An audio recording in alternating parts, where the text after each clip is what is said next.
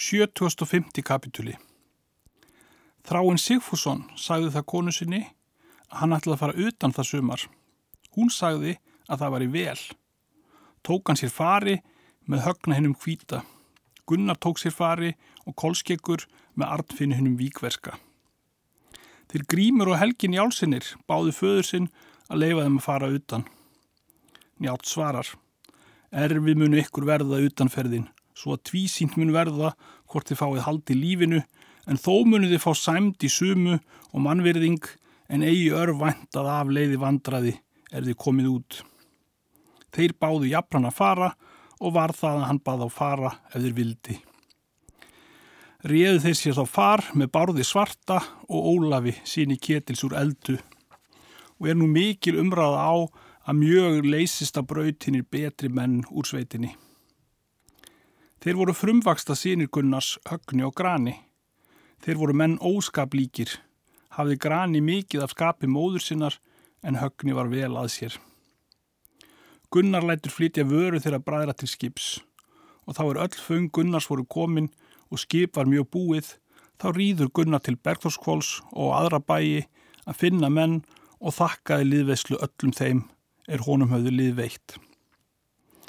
Annan dag eftir býr hann snemmendis ferð sína til skips og sagði þá öllu liði að hann myndi ríða í braut alfari og þótti mönnum það mikið en væntu þó tilkoma hans síðar. Gunnar kerfur til allra manna er hann var búinn og gengum enn út með honum allir. Hann stingur niður atgerinum og stiklar í söðulinn og ríða þeir kolskekkur í braut. Þeir ríða fram að markarfljóti. Þá drap hestur Gunnars fæti og stökkan úr söðlinum. Honum var litið upp til hlýðarinnar og bæjarins að hlýðarenda og mælti. Fögur er hlýðin, svo að mér hefur hún aldrei jafnfögur sínst, bleikir akrar og slegin tún og mun ég ríða heim aftur og fara hverki. Ger þú eigi þann óvinnafagnað, segir Kolskeggur, að þú rjúfir sættina því að þér myndi engi maður það ætla og máttu það hugsa að svo mun allt fara sem njáll hefur sagt. Hvergi mun ég fara, segir Gunnar, og svo vildi ég að þú gerðir. Egi skal það, segir Kolskeggur, hvorki skal ég á þessu nýðast og engu öðru því að mér er til trúað og mun sjá eitt hlutur svo vera að skilja mun með okkur, en segðu það frændu mínum og móður minni að ég ætla mér ekki að sjá Ísland því að ég mun spyrja þig látin frændi og heldur mig þá ekki til útferðar. Skilur þar með þeim og rýður Gunnar heim til líðarenda en kolskekkur til skips og fer utan. Hallgerður var fegin Gunnari en hann kom heim en móður hans lagði fátt til. Gunnar situr nú heima þetta höst og veturinn og hafði ekki margt manna um sig. Líður nú vetur úr gardi. Ólafur Pái sendi Gunnar í mann og baði hann fara vesturþangað og hallgerði en fá búið í hendur móður sinni og högna síni sínum. Gunnar í þótti það físilegt fyrst og játaði því en þá er aðkom vildi hann eigi.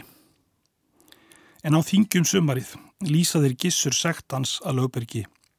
En áður en þinglaustir væri stemdi gissur öllum óvinnum Gunnars í almannagjá. Starkaði undan þrýhyrningi og þorgir í síni hans, merði og valgarðin um gráa, geir goða og hjálta skeggja sinni, þorbrandi og ásbrandi þorleikssonum, eilífi og önundi, síni hans, önundi úr tröllaskógi, þorgrimi úr sandgili. Gissur mælti. Ég vil bjóði yður að við förum að gunnari í sumar og drepum hann. Hjalti mælti. Því hétt ég gunnari hér á þingi, þá var hann gerði mest fyrir mín orð að ég skildi aldrei verið aðförum við hann og skal svo vera. Síðan gekk kjalti í braut en þeir réðu aðföra Gunnari er eftir voru og höfðu handtak og lögðu við sekt ef nokkur gengi úr. Mörður skildi haldan jóstnum nær best gæfi færi á og voru það fjórir týjir manna er í þessu sambandi voru. Þótti þeim sér nú lítið mundu fyrir verða að veiða Gunnar er á brautu var kolskeggur og þráinn og margir aðrir þeirri Gunnarsvinir voru. Ríðamenn heima þingi. Njál fór að finna Gunnar og sagði honum sekt sína og ráðna aðför að honum. Vel þykir mér þér fara, segir Gunnar, er þú gerir mig varan við. Nú vil ég, segir Njál, að skarpiðin fari til þín og höskuldur són minn og munu þeir leggja sitt líf við þitt líf. Egi vil ég það, segir Gunnar, að sínir þínir sé drefni fyrir mínasakir og átt þú annað að mér. Fyrir ekki munið að koma, segir Njál, þanga mun snúið vandraðum, þá er þú ert látin sem sínir mínir eru. Egi er það ólíklegt, segir Gunnar, að svo sé, en eigi vildi ég að það hlítist af mér til. En þess vil ég byggja að þér sjáuð á með högna síni mínum. En ég tala ekki um grana, því að hann gerir margt ekki að mínu skapi. Reyðin í all heim og hétt því. Það er sagt að Gunnar reyð til allra mannfunda og lögþinga og þorðu óvinnir hans aldrei á hann að ráða, fór svo fram nokkra hríð að hann fór sem ósegur maður. 77. kapituli Um hausti sendi mörður Valgarsson orð að Gunnar myndi einn heima en lið allt myndi vera niður í eigum og lúka heiverkum. Riðu þeir gissur hvíti og geir goði austur yfir ár þegar þeir spurðu það og austur yfir sanda til hofs. Þá sendu þeir orð starkaði undir þrýhyrningi og fundust þeir þar allir er að Gunnari skildu fara og réðu hversu þeir skildu með fara. Mörður segir að þeir myndi eigi koma óvart Gunnari nema þeir tæki bónda þar á næsta bæ er Þorkell hétt og leti hann fara nauðugan með sér að taka hundin sám og færa hann einn heim á bæin. Fóruður síðan austur til hlýðarenda en sendu menn að fara eftir Þorkalli, tóku hann og gerði honum tvo kosti. Að þeir myndu drepa hann, ella skildan taka hundin, en hann kjöri heldur að leysa lífsitt og fór með þeim. Traðir voru fyrir ofan gardin að hlýðarenda og námu þeir þar staðar með flokkin. Þorkell bondi gekk heim og lá rakkin á húsum uppi og tegir hann hundin braud með sér í geilar nokkrar. Í því sér hundurinn að það eru menn fyrir og hleypur á hann Þorkell uppi og grýpur í náran. Önundur úr tröllaskói hjó með öksi í höfuð hundinum svo allt kom í heilan, hundurinn hvað við hátt svo að það þótti með ódæmum og fjallan döður niður. 77. kapituli Gunnar vaknaði í skálanum og mælti. Sárt ertu leikin, sámur fóstri og búið svo sé til ætlað að skamt skuli okkar í meðal. Skáli Gunnars var gjöra við einum og súþakið utan og glukkar hjá brúnásunum og snúin þar fyrir spjöld. Gunnar svaf í lofti einu í skálanum og hattkerður og móðir hans. Þá er þeir komu að, vissuðir eigi hvort Gunnar myndi heima vera og báðu að einhver myndi fara heim fyrir og forvitnast um, en þeir settust niður á völlin. Þorgrimur austmaður gekk upp á skálan. Gunnar sér að rauðan kirtil ber við glukkinum og leggur út með atgerunum á hann miðjan. Östmannunum varður laus skjöldurinn og sprutt honum fæturnir og rataði hann ofan að þekjunni, gengur síðan að þeim gissuri þar að þeir sáta á vellinum. Gissur leit við honum og mælti. Hvort er Gunnar heima? Þorgrimur svarar. Vitið er það, en hitt vissi ég að atger hans var heima. Síðan fjalla niður döður. Þeir sóttu þá að húsunum. Gunnar skaut út örum að þeim og varðist vel og gáttu þeir ekki að gert. Þá hljópu sumir á húsin og ætluði þaðan að sækja. Gunnar kom þangað að þeim örunum og gáttu þeir ekki að gert og fór svo fram um hríð. Þeir tóku kvíld og sóttu að í annarsinn. Gunnar skaut enn út örunum og gáttu þeir enn ekki að gert og rukku frá í annarsinn. Þá mælti Gissur hvíti. Sækjum að betur, ekki verður af oss gerður þá hríðina þriðju og voru við lengi eftir það rukkuður frá. Gunnar mælti, ör liggur þar út á vegginum og er svo af þeirra örum og skal ég þeirri skjóta til þeirra er þeim það skömm ef þeir fá geig af opnum sínum. Móður hans mælti, ger þú eigi það að þú veki nú við þá er þeirra hafa áður frá horfið. Gunnar þreif örina og skaut til þeirra og kom á Eilíf Önundarsson og fekk hann af sár mikið. Hann hafði staðið eitt saman og vissuður eigi að hann var særður. Hönd kom þar út, segir Gissur, og var á gullringur og tók ör er lág á þekjunni og myndi eigi út leitað viðfanga ef nægt væri inni og skulum við nú sækja að. Mörður mælti. Brennum við hann inni. Það skal verða aldrei, segir Gissur, þó að ég viti að líf mitt liggi við. Er þér sjálfrátt að leggja til ráð þau er dugi, svo slægur maður sem þú ert kallaður. Strengir lága vellinum og voru hafðir til að festa með húsjafnan. Mörður mælti. Tökum við strengina og berum um ásendana en festum aðra endana um steina og snúum í vindása og vindum af ræfrið af skálanum. Þeir tóku strengina og veittu þessa umbúð alla og fann Gunnar eigi fyrr en þeir eruðu undið allt ræfrið af skálanum. Gunnar skýtur þó á bóganum svo þeir komast aldrei að honum. Þá mælti mörður í annarsinn að þeir myndu brenna Gunnar inni. Gissur svarar. Egi veit ég hví þú vilt að mæla er engin vill annara og skal það aldrei verða. Í þessu byli hleypur upp á þekjuna Þorbrandur Þorlöksson og heggur í sundur bógastrengin Gunnars. Gunnar þrýfur báðum höndum atgerinn og snýst að honum skjótt og rekur í gegnum hann og kastar honum út af þekjunni. Þá hljópu upp ásbrandur bróðir hans, Gunnar leggur til hans atgerinnum og kom hann skildi fyrir sig, atgerinn rendi gegnum skjöldin og ímeðal handleikjana. Snaraði Gunnar þá atgerinn svo að skjöldurinn klopnaði en brotnuðu handleikirnir og fjallan út af þekjunni.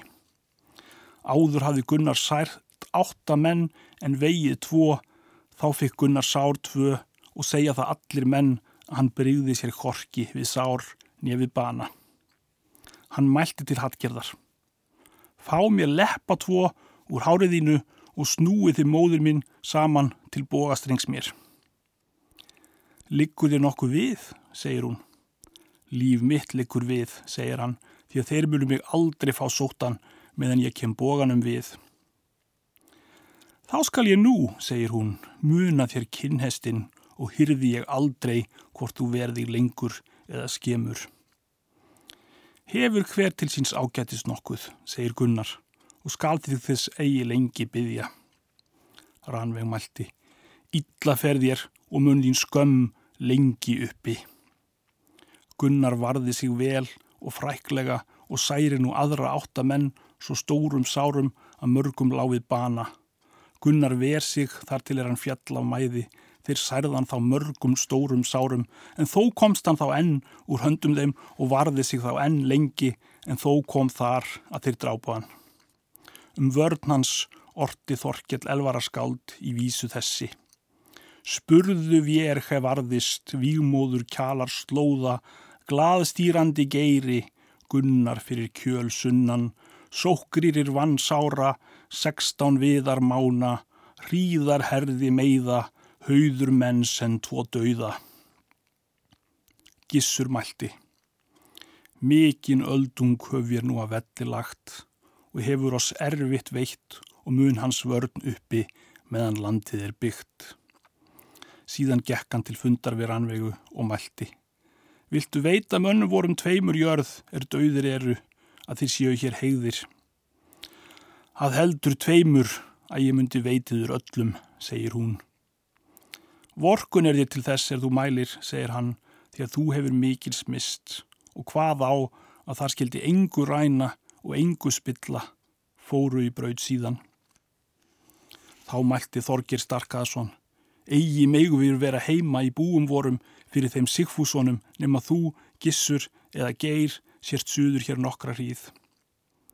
Þetta mun svo vera, segir Gissur og hlutuðu þeir og hlaut geir eftir að vera. Síðan fór hann í otta og settist þar. Hann átti sér són, er Róvaldur hétt, hann var laungetinn og hétt móður hans Bjartei og var sýstir Þorvaldsins Veila er veginn var við hestlæti Grímsnesi. Hann rósaði því að hann hefði veitt Gunnar í banasár. Róvaldur var með föður sínum. Þorgir Starkaðarsson rósaði öðru sári að hann hefði sært Gunnar. Gissur satt heima að mósfelli. Vígunnars mæltist ítla fyrir um allar sveitir og var hann mörgum önnum mjög harmdauði. 78. kapituli Njál kunni ítla láti Gunnars og svo Sigfúsinir. Þeir spurðu hvort njáli þætti nokkuð eiga að lýsa víksög Gunnars og búa mál til. Hann hvað það ekki meiga er maður var segur orðin og hvað heldur myndi verða að veita þeim í því vegskarð að vega nokkra í hemd eftir hann. Þeir urpu haug eftir Gunnar og letu hann sitja upp í hauginum. Rannveg vildi eigi atgerinn færi í haugin og hvað þann eitt skildu á honum taka er hefna vildi Gunnars, tók því engin á atgerinum. Hún var svo hörð við Hallgerði að henni hjælt við og myndi drepana og hvað hana valdið hafa í svonar síns. Stökk þá Hallgerðu til grjótar og grani svon hennar. Var þá gjört fjeskipti með þeim, skildi högni taka landa hlýðarenda og bú á en grani skildi hafa leigulönd. Sá atbyrður var það hlýðarenda að smalamadur og griðkona ráku fjö hjá haugi Gunnars. Þeim þótti Gunnar vera kátur og kveða í hauginum. Fóruðu heim og sögður anvegu móður Gunnars atbyrðin en hún bað þau segja njáli.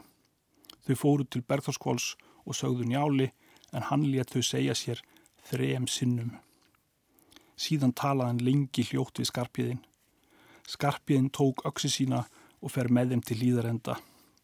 Þau högni og rannveig tóku við honum all vel og urðunum fegin mjög. Rannveig baðan vera það lengi og hann hétt því. Þeir högni gengu út og inn í afnan. Högni var maður vasklegur og vel að sér gjör og tortryggur. Þorðu þau eigi af því að segja honum fyrirburðin. Þeir skarpjöðun og högni voru úti eitt kveld fyrir sunnan haugunnars. Tunglskinn var bjart en stundum dró fyrir. Þeim síndist haugurinn opinn og hafði gunnar snúist í haugunum og sá í móti tunglinu. Þeir þóttust fjögur ljós sjá brenna í haugunum og bar herki skugga á. Þeir sá að Gunnar var kádlegur og með gleði móti miklu. Hann hvað vísu og svo hátt að þó mátti heyra gjörla þó að þeir væru fyrr. Mælti dögla deilir, dáðum rakkur sá er háði, bjartur með bestu hjarta, benrögn faður högna, heldur hvaðst hjálmi faldinn, hjör þilju sjá vilja, vætti draugur en væja, valfreyju stafur deyja og valfreyju stafur deyja. Síðan lögst aftur haugurinn. Myndir þú trúa, segir skarpiðinn, ef aðrir segðu þér? Trúa myndi ég ef njálf segði mér, segir högni, því að það er sagt að hann ljúi aldrei. Mikið er um fyrirburðis líka, segir skarpiðinn, er hann sjálfur vitrast okkur að hann vildi heldur deyja en væja fyrir ofinnum sínum og kenda nokkur þau ráð. Engu mun ég til leiðar koma, segir högni, nema þú vil ég mér aðveita. Skarpjæðin mælti. Nú skal ég það muna hversu Gunnari fór eftir víg sigmundar frænda eðars. Skal ég nú veita þér slíkt er ég má, hétt faði minn því Gunnari, þar er þú ættir hlutað eða móður hans. Gengu þér síðan heim til líðarenda. 79. kapituli Skarpjæðin mælti. Nú skulum við fara þegar í nótt því að ef spyrst að eiga um hér þá munum þeir vera að öllu varari um sig. Þínum ráðum vil ég framfara, segir högni. Eftir það tóku þeir vopp sín þá er allir menn voru í rekkjum. Högni tekur ofan atkerinn og söng í honum. Rannveig spratt upp af æði mikilli og spurði Hver tekur atkerinn þar er ég bannaði öllu með að fara. Ég ætla, segir högni, að færa föðu mínum og hafi hann til valhallar og berið þar fram á vopna þingi. Fyrri mun þú nú bera hann og hefna föður þíns, segir hún, því að atgerinn segir mannsbana eins eða fleiri. Síðan gekk högni út og sagði skarpjæðni orðræðu þeirra ömmu hans. Síðan fóruðu til otta, hrafnar tveir flugu með þeim alla leið. Þeir komu um nóttina í otta, þeir ráku fjenað heima húsinn. Þá hljóbu tróaldur og tjörfi og ráku fjöð upp í geilarnar og höfðu vopp sín með sér. Skarpjén sprettur upp á meldi. Egi þart þú að higgja að, jamt er sem þér sínist, síðan heggur skarpjén tjörfa bana högg. Róaldur hafði spjóti í hendi og leipur högni að honum. Róaldur leggur til högna, högni hjói sundur spjótskaftið með atgerinum og rekur atgerin í gegnum hann. Síðan gengu þeir frá þeim dauðum snúa þaðan upp undir þrýhetning. Skarpiðin hleypur á hús upp og reyti gras og ætluð þeir er inni voru að fjenaður væri. Tók skadarkaður og þorgir vopp sín á klæði og fóru út og hljópu upp um gardin en nér starkaður sá skarpiðin, hrættist hann og vildi aftur snúa. Skarpiðin heggur hann við gardinum. Þá kemur högni í mót þorgeri og vegur hann með atgerinum. Þaðan farðar til Hofs og var mörður út á velli og bað sér greiða og bauð allsætti. Skarpiðin sagði merði víg þeirra fjögura og segir að slíka för skal hann hafa eða selja sjálfdæmi ef högni vildi taka. Högni hvaðst hitt hafa ætlað að sættast ekki við föðubanna sína en þó tók hann sjálfdæmi um síðir. Áttúasti kapituli Njáttlátti hlutað við þá er eftirmál áttu eftir þá starkað og þorgir að þeir skildu taka sættum og var hér aðsfundur til lagður og teknir menn til gerðar og voru virðir í allir hlutir tilför við gunnar þó að væri sekur en slík fjekjöld sem gjör voru þá galt mörður allt því að þeir luku eigi fyrir upp gerð á hendurunum en gjört var áður um hittmálið og létu þeir það á endum standast. Voru þeir þá alls áttir en hún þingi var umræða mikil og kom þar að þeir sættust geir goði og högni og helst þú sætt með þeim síðan. Bjó geir goði í hlýð til dauðadags og er hann úr sögunni. Njálpað konu til handa högna, álfeyðar, dóttur veturliða skálds og var hún honum gefin. Þeirra són var Ari er sildi til Hjaltlands og kvongaðist þar. Frá honum er komin einar hjaltletningur, hinn vaskasti maður. Högni helt vináttu sinni við njál og er hann úr þessi sögu. 81. kapituli Nú er að segja frá Kolskeggi að hann kemur til Noregs og er í vík austur um veturinn en um sumarið eftir fer hann austur til Danmerkur og fælst á hendi sveini konungi tjúuskegg og hafði þar virðingar miklar. Yngverja nótt dreymdan að maður komaðanum sá var ljós, honum þótt hann vekja sig, hann mælti við hann. Statt þú upp og far með mér. Hvað viltu mér, segir hann. Hann mælti, ég skal fá þér kvonfang og skalt þú vera rittari minn. Hann þóttist játa því eftir það vaknaðan. Síðan fór hann til spekings eins og sagði hann um drauminn en hann réð svo að hann myndi fara suður í lönd og verða Guðs rittari. Kolskeggur tók skýrn í Danmörku en nam þar þó eigi indi og fór austur í Gardaríki og var þar einn vetur. Þá fór hann þaðan út í Miklagarð og gekk þar á mála. Spurðist það síðast til hans að hann kvongaðist þar og var höfðingi fyrir væringjaliði og var þar til dauða dags og er hann úr sögunni. Áttuast og annar kapituli Nú er það til máls að taka að þráinn Sigfússon kom til Noregs. Þeir komu norður við Hálóaland og heldu suður til Þránteims og svo til Hlaða. En þegar Hákon í Arl spurði það sendan menn til þeirra og vildi vita hvað manna væri á skipi en þeir komu aftur og sögðu hákoni hverjir voru. Jarl sendi þá eftir þráni Sigfúsinni og kom hann á hans fund. Jarl spurði hverjar ættar hann væri, hann segir að hann væri skildur mjög gunnari að hlýðarenda. Jarl mælti, njóta skaltu þess því að séð hef ég marga íslenska menn og engan hans maka. Þráinn mælti, Herra, viljið þér að ég sé meðiður í vetur. Jarl tók við honum, var þráinn þar um veturinn og virðist vel. Kólur hétt maður, hann var vikingur einn, hann var svona ásmundar eskisíðu austan úr smálöndum. Hann lá í gautel við austur og hafði fimm skip og lið mikið. Þaðan helt kólur úr elvinni til Noregs og gekk upp á foldinni og kom á óvart hallvarði sóta og fundu hann í lofti einu.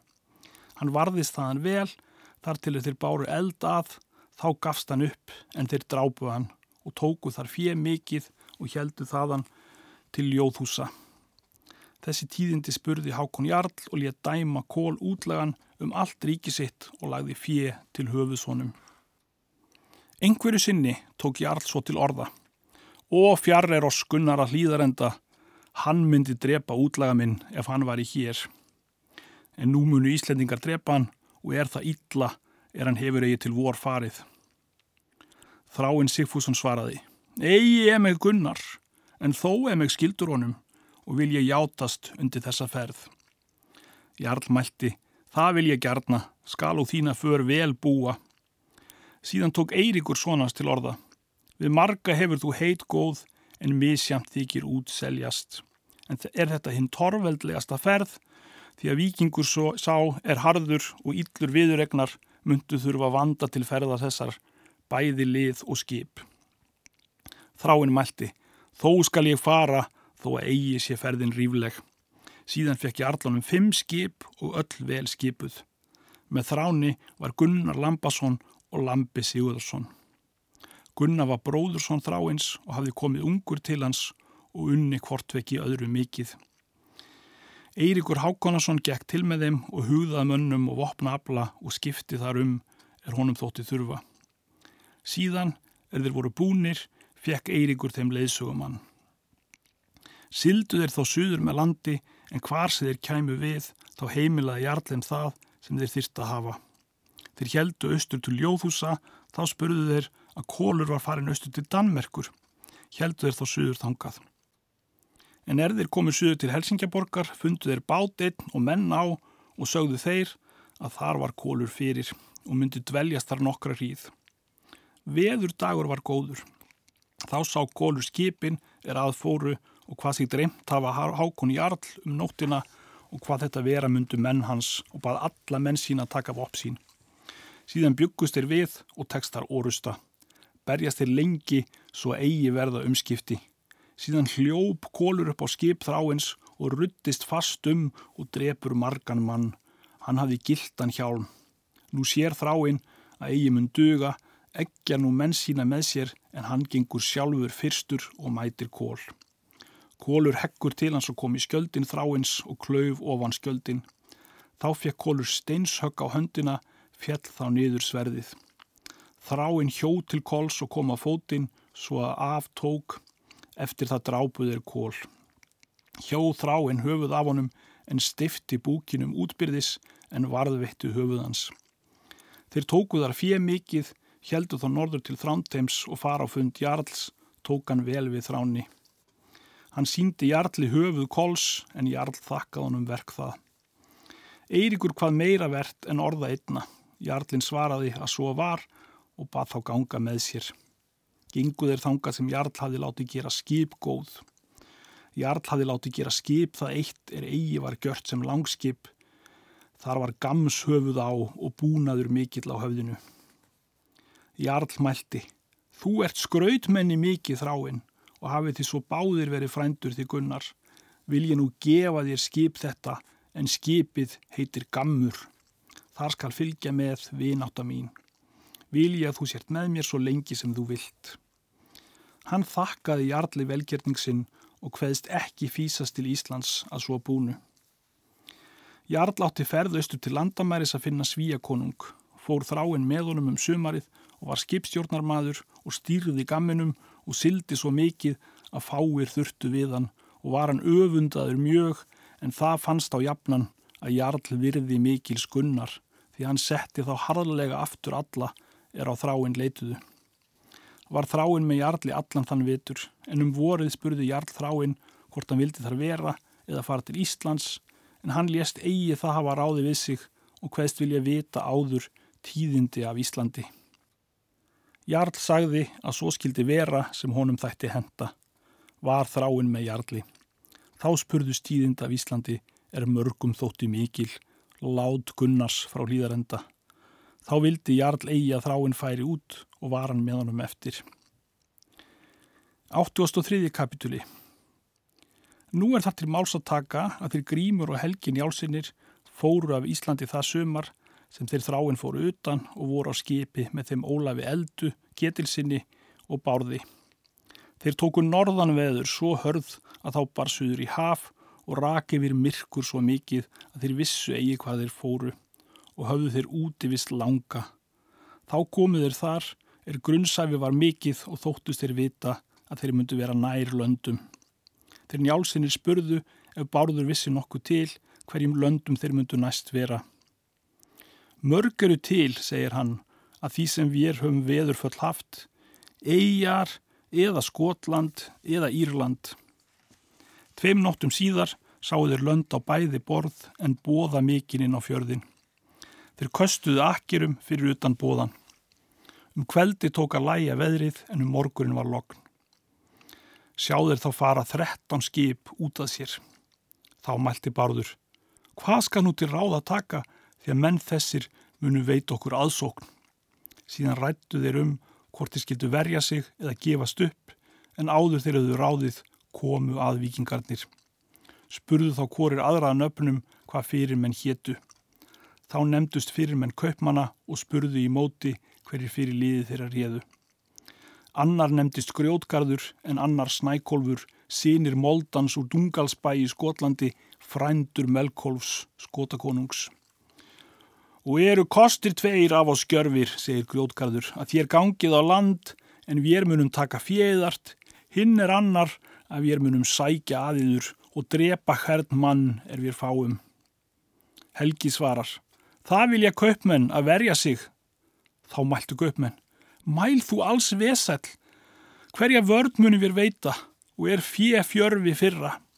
Grímur tók það ráð að hann æfti á vikingana og let þá eigi heyra illan kurr kaupmanna. Bárður og Ólafur mæltu, hyggi þér eigi að Íslandingar muni gera spotta látumiðurum, takið heldur vopniðar og verjiðiður. Tóku þeir þá allir vopn sín og festu með sér að þeir skildu aldrei uppgefast meðan þeir mættu verja sig.